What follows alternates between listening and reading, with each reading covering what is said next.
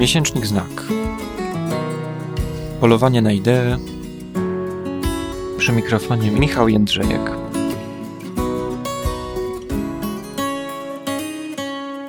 Zapraszamy do słuchania. Dzisiaj odcinek o Charlesie Taylorze, kanadyjskim filozofie, zajmującym się podmiotowością, filozofią polityczną i losami religii w świecie nowoczesnym. Chciałbym skupić się na tym ostatnim, zwłaszcza na jego najsłynniejszej książce A Secular Age, epoka świecka, bo Taylor to jest dla mnie jeden z najbardziej wszechstronnych, zniuansowanych i przez to też chyba ulubionych autorów piszących dzisiaj o przemianach religii. Najpierw kilka słów o jego biografii. Urodził się w Kanadzie w 1931 roku w francuskojęzycznej prowincji Quebec. Jego matka była katoliczką z rodziny frankofońskiej, ojciec z anglosaskiej rodziny protestanckiej. Taylor był więc y, dwujęzyczny, też dobrze zakorzeniony w obu tych tradycjach y, wyznaniowych, chociaż został wychowany jako katolik i do dzisiaj pozostaje praktykującym katolikiem. Można więc powiedzieć, że jest jednym z najwybitniejszych współczesnych myślicieli katolickich, chociaż takie określenie jest jakoś uprawnione, to jednocześnie jest zdecydowanie zbyt wąskie, bo Taylor to jest myśliciel ekumeniczny, y, Także w tym sensie, że inspirujący ludzi wierzących i niewierzących, i nie odwołujący się też w swojej argumentacji do religijnej doktryny. Studiował na Oksfordzie u klasyka liberalizmu Isaiah Berlina. Potem wykładał y, także na Oksfordzie, ale też głównie w kanadyjskim McGill University. Ciekawe, że jego żoną była Polka, Alba Romer, y, córka Tadeusza Romera, bardzo ciekawego człowieka, ambasadora Rzeczypospolitej w Japonii i w Rosji, y, ministra spraw zagranicznych rządu polskiego na uchodźstwie w czasie II wojny. Romer po wojnie zamieszkał w Kanadzie i tam też poznali się Charles i Alba, którzy mieli mm, pięcioro dzieci, pięć córek. Sama Alba Romer była rzeźbiarką, malarką i graficzką. Zmarła w 1990 roku i Taylor potem związał się mm, po raz drugi. Żyje teraz z drugą żoną. Filozof miał też za sobą epizod polityczny. Mianowicie w latach 60. kilkukrotnie startował do kanadyjskiego parlamentu, ale nieskutecznie. Między innymi przegrał z Pierrem Trudeau, ojcem obecnego premiera Kanady. Jak mówił jeden z jego studentów, e, studentów Taylora, Richard Kearney, ten król filozofii nigdy nie został politycznym przywódcą. Była to strata dla polityki i zysk dla filozofii. Y, Taylor jest też laureatem wielu nagród, między innymi takich, które nazywane są czasami Noblami dla humanistów. Y, właściwie jest kilka takich nagród, które są wiecznymi kandydatami do tego, żeby właśnie być taką nagrodą Nobla dla humanistów. Między innymi nagrody imienia Klugego i nagrody Bergruena. Miałem okazję razem z moim kolegą z redakcji Mateuszem Burzykiem mm, przeprowadzić rozmowę z Taylorem kilka lat temu. To było podczas festiwalu Kopernikus w Krakowie. Pytaliśmy go m.in. o to, jakie książki ukształtowały jego myślenie o religii. Wspomniał wtedy, może niezbyt oryginalnie, o w sumie zaskoczyliśmy go tym pytaniem. Wspomniał o y, powieściach Dostojewskiego, mm, a także o takim XIX-wiecznym angielskim poecie y, Gerardzie Manleyu Hopkinsie. E, na koniec e, zapytaliśmy go też, skąd bierze się jego niegasnąca ciekawość w wieku 88 lat. Przyjechał do Krakowa z nową, e, potężną filozoficzną książką. No i najpierw Taylor ze śmiechem sprostował, że nie ma lat 88, ale jedynie 87. A potem powiedział już poważniej, w takim sokratejskim stylu, że z filozofią jest tak, że im bardziej zagłębiasz się w pewne filozoficzne problemy, tym więcej nowych, kolejnych problemów dostrzegasz.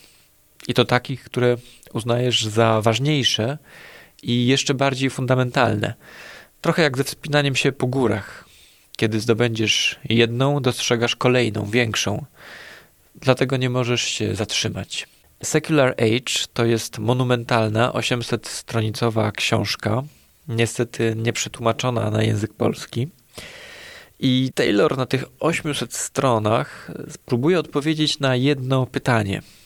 Dlaczego było czymś niemal niemożliwym w naszych zachodnich społeczeństwach, by nie wierzyć w Boga, powiedzmy w 1500 roku, podczas gdy w roku 2000 wielu z nas uważa to nie tylko za łatwe, ale wręcz nieuchronne. Żeby odpowiedzieć na to pytanie, Taylor potrzebował tych 800 stron, ale też na początku czyni takie użyteczne rozróżnienie na trzy rodzaje świeckości i one pozwalają trochę uchwycić właśnie te różne elementy sekularyzacji, które w sumie stworzyły tę świecką epokę, w jakiej y, dzisiaj żyjemy. Po pierwsze, to jest świeckość jako emancypacja sfer publicznych, to znaczy wycofanie się bądź ograniczenie roli religii w różnych obszarach życia społecznego, politycznego, y, w gospodarce, czy w edukacji, czy w tworzeniu prawa. Przykładowo w średniowieczu y, mieszczanie tworzyli różnego rodzaju cechy i gildie, które oprócz tego, że miały funkcje ekonomiczne, miały też funkcje religijne. To znaczy miały swoje na przykład kaplice, jakieś święta. Wszyscy złotnicy, powiedzmy, musieli w dane święto udać się do tej kaplicy, musieli ją też utrzymywać. Więc ta społeczność była jednocześnie polityczna i religijna. Ale jeszcze ważniejszy przykład dotyczy samego państwa. W przeszłości y, legitymizacja władzy w państwie oparta była na jej pochodzeniu od Boga, czy jakiegoś mm, ostatecznego, pozaludzkiego porządku. Monarcha to był Boży pomazaniec. Atak na monarchę, atak na Boga. Co najmniej od rewolucji francuskiej władza w państwie zyskuje oddolne uprawomocnienie. Rządzący są przedstawicielami ludu, który w ten sposób demokratycznie zarządza sam sobą. Dokonał się więc rozdział państwa i kościoła i oczywiście istnieją pewne wyjątki, kiedy, nie mówię teraz o Polsce, kiedy monarcha pozostaje też głową kościoła, na przykład w Wielkiej Brytanii czy w Szwecji, ale to czujemy chyba, że to jest jakaś forma kultywowania tradycji, a nie dowód podporządkowania organizacji politycznej instytucji religijnej. Różne obszary życia publicznego, a więc nauka, gospodarka, prawo, podobnie kierują się takimi swoimi własnymi zasadami, własnymi imperatywami, własną racjonalnością. Więc dla teorii naukowej kluczowa będzie falsyfikowalność i siła eksplanacyjna, dla gospodarki zwiększanie zysku, dla polityki, przynajmniej w założeniu, największa korzyść dla maksymalnej liczby osób. Rzadko zachodzi tu jakaś potrzeba odwoływania się do treści religijnych. I oczywiście, mm, tak jak już trochę żartobliwie wspomniałem, tutaj można się zastanawiać, na ile Polska, o której Taylor troszkę pisze, ale nie tak wiele, na ile Polska właśnie jest takim państwem świeckim w tym sensie, na ile doszło do wycofania się religii z rdzenia oficjalnej państwowości. I tu oczywiście publicyści zawsze mają szereg y, takich bieżących argumentów. Pokażą polityków, którzy przemawiają na Jasnej Górze, zwrócą uwagę na kształt prawa aborcyjnego, który w przekonaniu wielu jest wynikiem nacisku Kościoła, czy pokażą na przykład ostatnie listy czasopism naukowych, gdzie polskie pisma teologiczne z zupełnie niewiadomych powodów, na pewno nie powodów merytorycznych, mają taką samą punktację jak najbardziej prestiżowe pisma naukowe na świecie, takie jak Nature i Science. Można jednak powiedzieć, że Kościół i katolicka tożsamość w Polsce, chociaż bardziej niż w innych krajach, wciąż są ważnym elementem politycznej gry, to nie są jednak wbudowane w rdzeń naszego ustroju. To znaczy, to nie Kościół wybiera i błogosławi władców. Nie trzeba też być katolikiem, żeby zostać głową państwa, tak jak widzieliśmy w przypadku Aleksandra Kwaśniewskiego. Więc w takim swoim rdzeniu państwo pozostaje świeckie, a naruszenia tej świeckości zawsze wywołują jakieś mniejsze bądź większe kontrowersje, to znaczy uświadomiamy sobie, że jest tutaj coś nie tak, jeżeli Kościół y, ingeruje za bardzo w politykę. Po drugie, świeckość dla Taylora to upadek wiary i praktyk religijnych. To jest ten drugi sens świeckości i tutaj filozof ma na myśli te empirycznie weryfikowalne wskaźniki poziomu religijności mieszkańców Zachodu. Co najmniej od lat 60. XX wieku w wielu krajach Europy Zachodniej sukcesywnie spada liczba osób wierzących w Boga czy chodzących na nabożeństwa religijne. Rośnie za to liczba agnostyków, ateistów i tak zwanych nons, czyli osób mm, nie przyznających się do żadnej religijnej afiliacji, ani też do ateizmu. Y, przykładowo sprawdzałem dane Eurostatu i w takich krajach jak Szwecja czy Francja, tych należących do najmocniej sekularyzowanych w Europie, regularnie chodzi do kościoła około 3% społeczeństwa, podczas gdy 50 lat temu była to grupa 10 razy większa, czyli około 30% społeczeństwa. Podobnie spada liczba osób wierzących w Boga. Na przykład w Szwecji jest to obecnie około 40%, dominują więc y, ateiści i agnostycy, a po II wojnie światowej było to 80% społeczeństwa, czyli ta liczba wierzących Boga spadła dwukrotnie. W Polsce, tutaj też dodam trochę, uzupełniając Taylora, cały czas dominują ludzie wierzący zdecydowanie. Według Cebosu jest to około 90% społeczeństwa, ale spada liczba osób praktykujących. Na przestrzeni ostatnich 30 lat ta liczba spadła z około 60% do około 35%. Y, bardzo szybka jest też y, sekularyzacja najmłodszego pokolenia i przyznam, że ta zmiana zrobiła na mnie duże wrażenie, ponieważ jeszcze około 30 lat temu ci młodzi ludzie w wieku 18-24 lata, według Cebosu, to około 70% z nich chodziło co tydzień do kościoła. Y, obecnie jest to około 23%, a w dużych miastach ten wskaźnik jest jeszcze niższy i widać też to dobrze na frekwencji na lekcjach religii. W takich miastach jak na, na przykład Łódź, y, obecnie tylko co piąty uczeń szkoły średniej chodzi na lekcje religii. Według innych badań y, takiej dużej pracowni Pew Research Center, ta różnica między starszym i młodszym pokoleniem y, w Polsce, jeżeli chodzi o religijność, jest największa na świecie. Czyli mamy do czynienia z, no, z sekularyzacją już nie pełzającą, jak kiedyś mówiono, ale z sekularyzacją galopującą. Y, przy czym też Charles Taylor pokazuje, że rośnie nie tylko liczba ateistów, ale rośnie też liczba takich stanowisk pośrednich, takiego miszmaszu. Y, są ludzie, którzy porzucają praktyki religijne, ale wierzą dalej w osobowego Boga bądź w jakąś duchową, bezosobową siłę. Łączą praktyki terapeutyczne i duchowe w takim stylu, który kiedyś określilibyśmy jako New Age. Niektórzy łączą chrześcijaństwo z buddyzmem, Inni praktykują modlitwę, ale nie są sami pewni, czy właściwie wierzą. I choć takie synkretyczne podejście znane było w przeszłości, to dzisiaj można powiedzieć, że mówi się o tym dużo bardziej otwarcie. Więc taka religijna indywidualizacja to jest jeszcze jedno znamie współczesności.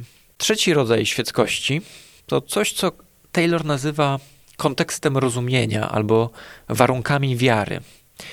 To chyba tworzy najbardziej oryginalny element w refleksji autora A Secular Age, bo Taylor zwraca uwagę, że przeszliśmy od społeczeństwa, gdzie wiara w Boga była czymś niekwestionowanym i właściwie nieproblematycznym, do takiego, w którym jest ona rozumiana jako jedna opcja obok innych i to często nie najłatwiejsza do przyjęcia. I tutaj odnosi się już do jakiegoś takiego szerokiego kontekstu kulturowego, do jakiejś szerokiej zmiany, która zaszła w zachodnich społeczeństwach i co się składa na tę zmianę. Taylor mówi o takich dwóch elementach szczególnie ważnych. Po pierwsze, to jest niesłychany pluralizm zachodnich społeczeństw.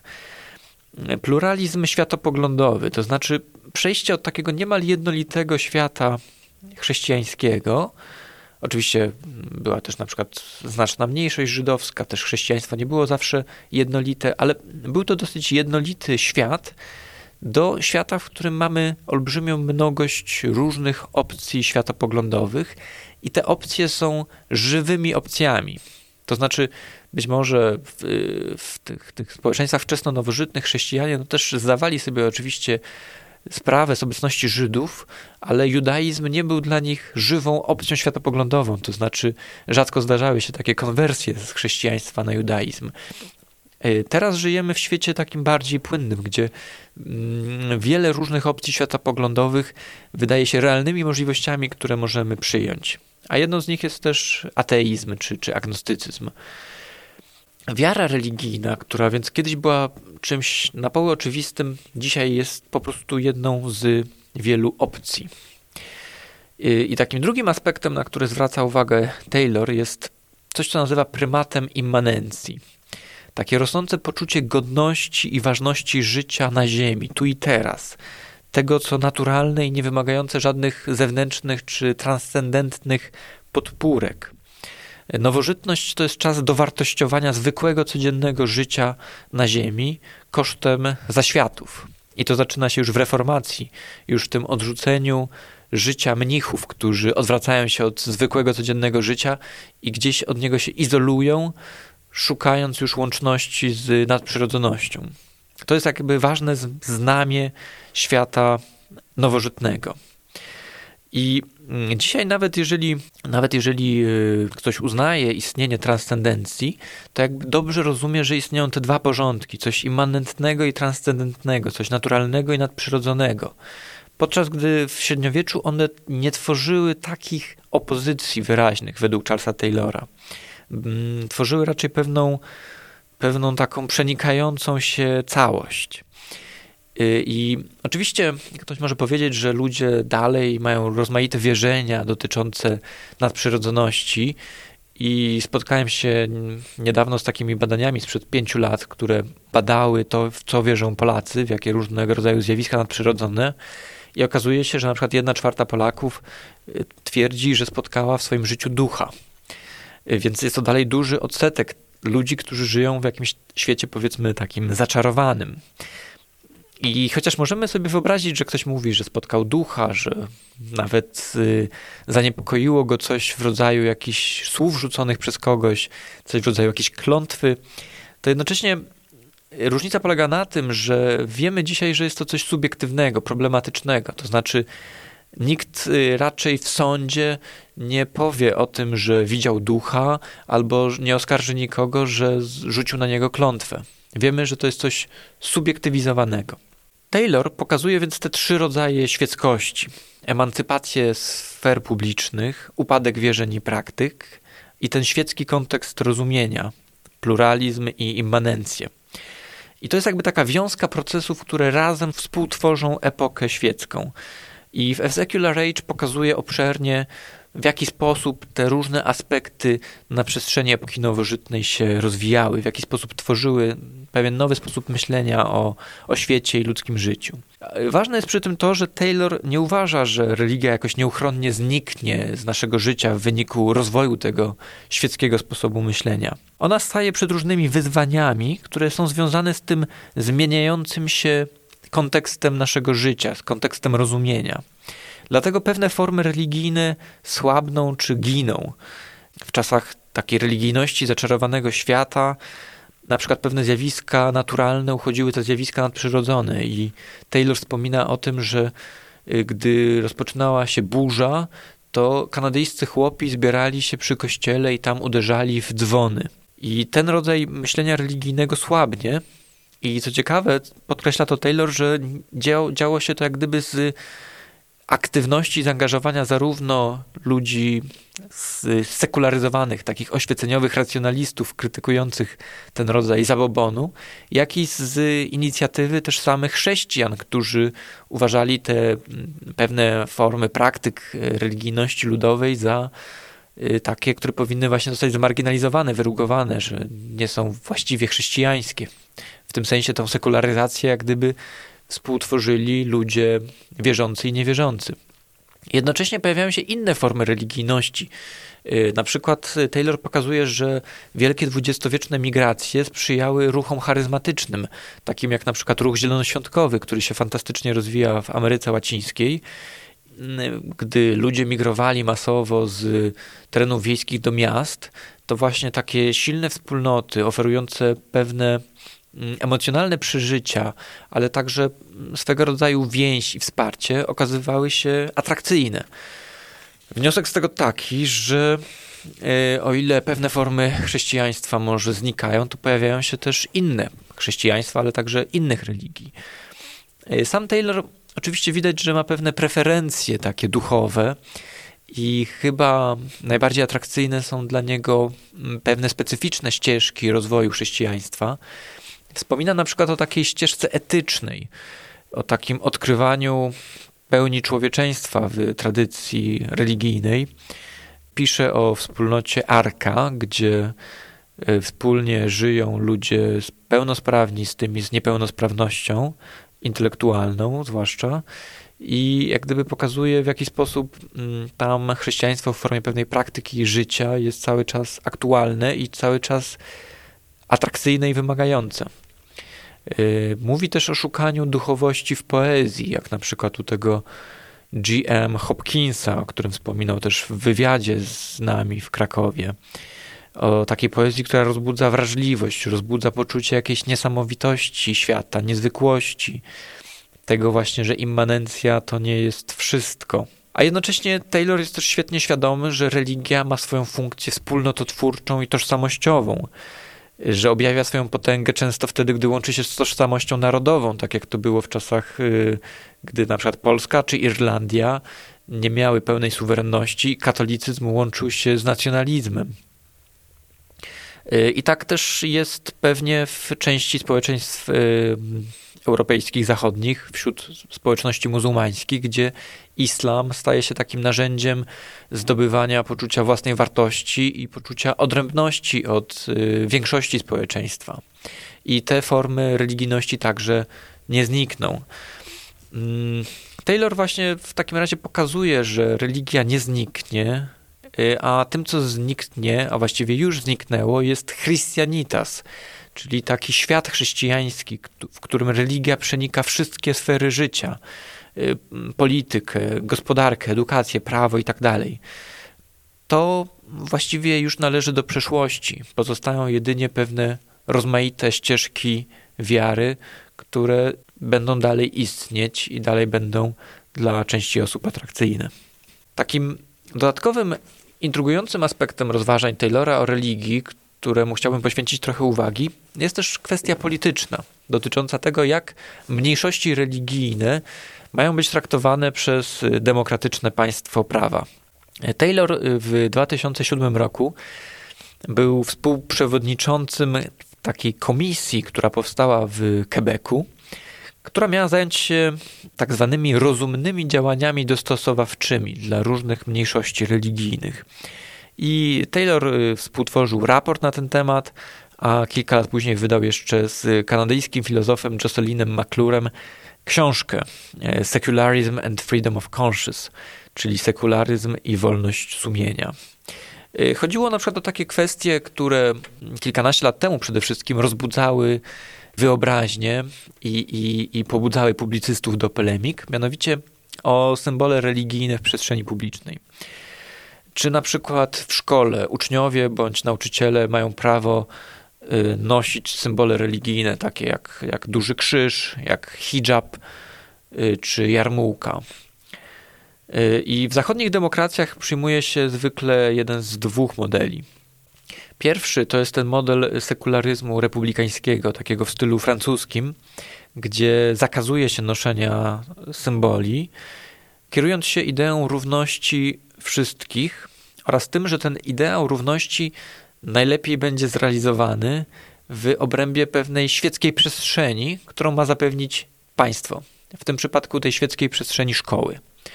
Drugi model to jest sekularyzm, powiedzmy, otwarty, y, bardziej typowy dla krajów anglosaskich, gdzie uważa się, że niektóre tego typu zakazy ograniczają wolność sumienia jednostki. Mamy tutaj więc do czynienia z tymi dwoma wartościami, które trzeba jakoś wyważyć. Z jednej strony z zasadą równości wszystkich, a z drugiej z zasadą wolności sumienia. Y, Taylorowi, a także tej komisji, którą, której, której współprzewodził, bliższe było to drugie stanowisko. Y, filozof uważał, że właśnie ograniczenie możliwości noszenia symboli religijnych przez uczniów, ale także przez nauczycieli, ogranicza ich wolność sumienia, wolność manifestowania tego, co stanowi o rdzeniu ich tożsamości, tego kim są. E, sprawiało, że mogą czuć się wykluczeni. Y, dokonuje przy tym jednak dwóch ważnych zastrzeżeń. Po pierwsze, trzeba rozważyć to, czy dany element stroju nie jest, że tak powiem, funkcjonalnie kłopotliwy, to znaczy, czy nie utrudnia wykonywania pracy. Y, więc na przykład, o ile można wyobrazić sobie noszenie chustki czy hijabu przez nauczycielkę w szkole, to y, jednak należy odrzucić noszenie przez nią burki, czyli takiego stroju, który zasłania ją całkowicie, w tym zasłania mm, w dużym stopniu jej twarz. Dlatego, że komunikacja i także komunikacja niewerbalna może mieć ważne znaczenie edukacyjne, zwłaszcza w edukacji na, na niższych poziomach, y, może mniej w edukacji uniwersyteckiej. Więc wydaje się, że tutaj trzeba by wprowadzić pewnego rodzaju ograniczenia dla tego rozumnego działania dostosowawczego. Po drugie, bardziej kontrowersyjne są inne zawody niż może bycie nauczycielem czy lekarzem, e, mianowicie te związane z przymusem i wykonywaniem sprawiedliwości w imieniu państwa. To znaczy pytanie, czy na przykład sędzia albo policjant może nosić w swoim oficjalnym stroju jakiś symbol religijny, czy sędzia, który nosi na przykład y, hijab, czy, czy raczej mm, na przykład duży krzyż, czy, czy nie mielibyśmy poczucia, że kieruje się nie stanowionym mm, prawem, a religijną doktryną. I Taylor tutaj nie zajmuje takiego jednoznacznego stanowiska. Sugeruje raczej konieczność jakiegoś takiego dalszego badania kontekstu i reakcji osób, które na przykład stoją przed sądem wobec takiego sędziego. Otóż może się bowiem okazać, że w, m, czasami y, dopuszczenie takiego symbolu ma pewien praktyczny sens.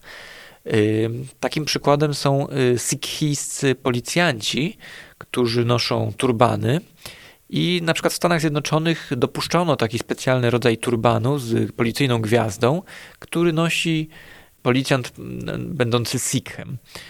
I takie podejście może pokazywać pewnego rodzaju różnorodność policji i w ten sposób też zyskiwać uznanie wielokulturowej społeczności, która może mieć w ten sposób czasami większe poczucie akceptacji i zaufania do instytucji państwa.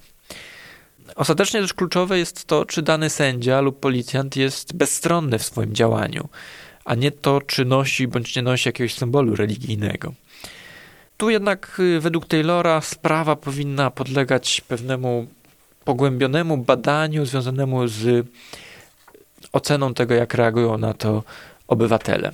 Co ciekawe, mimo tak szerokiego uznania możliwości noszenia symboli religijnych przez jednostki, Wyobrażam sobie, że gdyby mm, sędzia w Polsce chciał nosić jarmułkę albo taki duży krzyż, wywołałoby to spore kontrowersje. To y, mimo tego Taylor i ta jego komisja, której szefował, y, zasugerował na przykład usunięcie z głównej sali parlamentu prowincji Quebec krzyża, który tam od wieków y, wisiał. I chodziło o to, żeby przenieść go do jakiegoś innego pomieszczenia, nie, żeby nie był w tej głównej sali obrad, gdzie tworzy się prawo. Y, chodziło o to, że o ile jednostki mogą według Taylora w ten sposób manifestować swoje przekonania, swoją tożsamość, to państwo jako instytucja powinna zachowywać tą zasadę równości wszystkich obywateli i nie preferować żadnej religii ponad inne. Tak jak gdyby trudno mówić o tożsamości religijnej państwa jako takiego, tak jak możemy mówić o tożsamości religijnej poszczególnych jednostek. Y, myślę, że to też dobre rozwiązanie i jakby dobra argumentacja do dyskusji o polskim Sejmie, gdzie w latach 90. pewnej nocy grupa prawicowych posłów y, pokryjomu y, wywiesiła krzyż w sali sejmowej, który tam do dzisiaj wisi, budząc różnorakie kontrowersje. Y, ciekawe jest przy tym jeszcze jedno pytanie, które stawia Damian Barnat, świetny badacz Taylora, mianowicie wobec jakich przekonań państwo powinno zgadzać się na takie działania dostosowawcze. Y, Barnat podaje mm, ciekawy przykład tzw. Tak pastafarian, czyli wyznawców kościoła latającego potwora spaghetti, czegoś, co zaczęło się jako internetowy żart z religii. Ten kult potwora spaghetti, gdzie wyznawcy mają na przykład jeść dużo makaronu w ramach swojego kultu, co jak gdyby jest tutaj widoczna parodia y, innych form religijnych, tych bardziej tradycyjnych, i także y, ukryta intencja tego, żeby pokazać różnego rodzaju nieuzasadnione przywileje kościołów i związków wyznaniowych. No i otóż w kilku krajach, mm, między innymi w Austrii i w Czechach, wyznawcy latającego potwora spaghetti poprosili o zgodę na to, żeby przy zdjęciu w dowodzie osobistym móc być w durszlaku na głowie. Tak jak katolickie zakonnice czy muzułmanki mają jakiś rodzaj chusty na tych zdjęciach do dowodu. Ponieważ twierdzili, że jest to integralna część ich religijnych przekonań, że muszą chodzić w takim makaronowym durszlaku na głowie. No i pytanie, czy państwo powinno podjąć takie do, działania dostosowawcze i czy jakoś nie ośmiesza to tej instytucji państwa.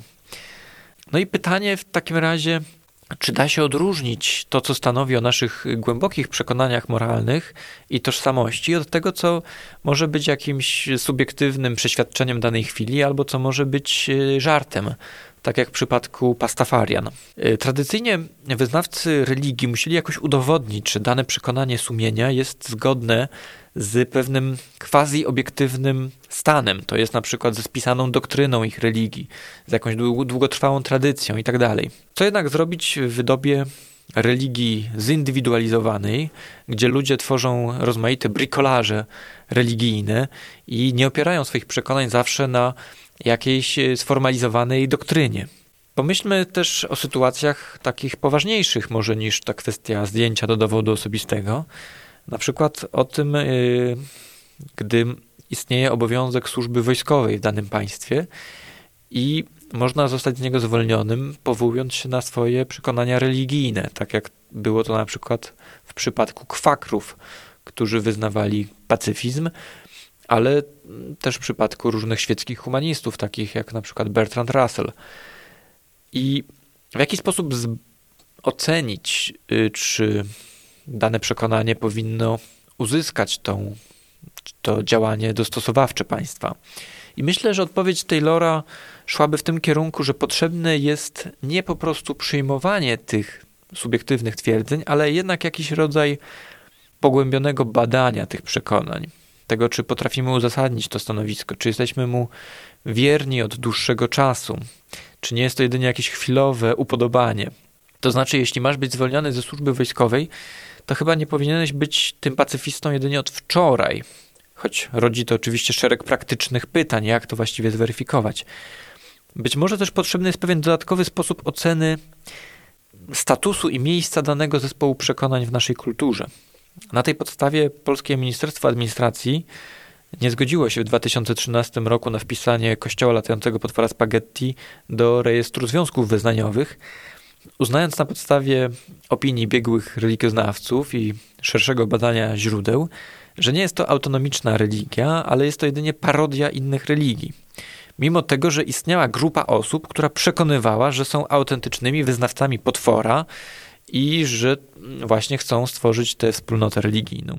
Nie wystarczy więc tylko zawsze subiektywna deklaracja, ale musi być ona chyba trwała, pogłębiona i możliwa do rozsądnego umieszczenia w kontekście szerszego dziedzictwa kulturowego i jakichś szerszych systemów wartości, nie tylko religijnych, ale także świeckich. Może się wydawać, że to, co mówi Taylor o przyszłości religii, pokrywa się z wieloma innymi głosami.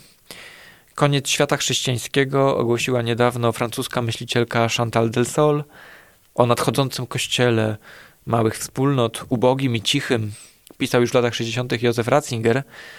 Podobnie o przyszłości religii pisze popularny teolog Tomasz Halik. Sądzę, że to, co wyróżnia Taylora, to szerokość i wszechstronność spojrzenia, głębia historycznej opowieści, która nie popada ani w konserwatywne narzekactwo na to, że nowoczesność odchodzi od religii, tradycji, obiektywnej koncepcji prawdy itd., tak ani w oświeceniową wiarę, że nauka wyprze religię ku chwale racjonalności. Taylor porusza się między skrajnościami, próbuje uwzględnić różne punkty widzenia. Pokazuje, że świat nowoczesny zrodził się częściowo z idei chrześcijańskich, a częściowo na przekór nim. I że religia przetrwa w tym świecie w rozmaitych formach, choć zajmie znacznie mniej społecznej przestrzeni niż kiedyś. Więcej o Charlesie Taylorze znajdziecie w archiwum miesięcznika Znak. A ja dziękuję Wam bardzo za wysłuchanie tego odcinka do końca. Do usłyszenia.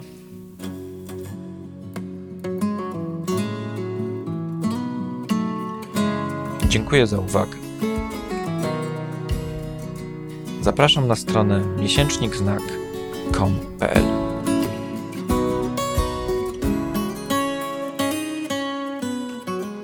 Do usłyszenia.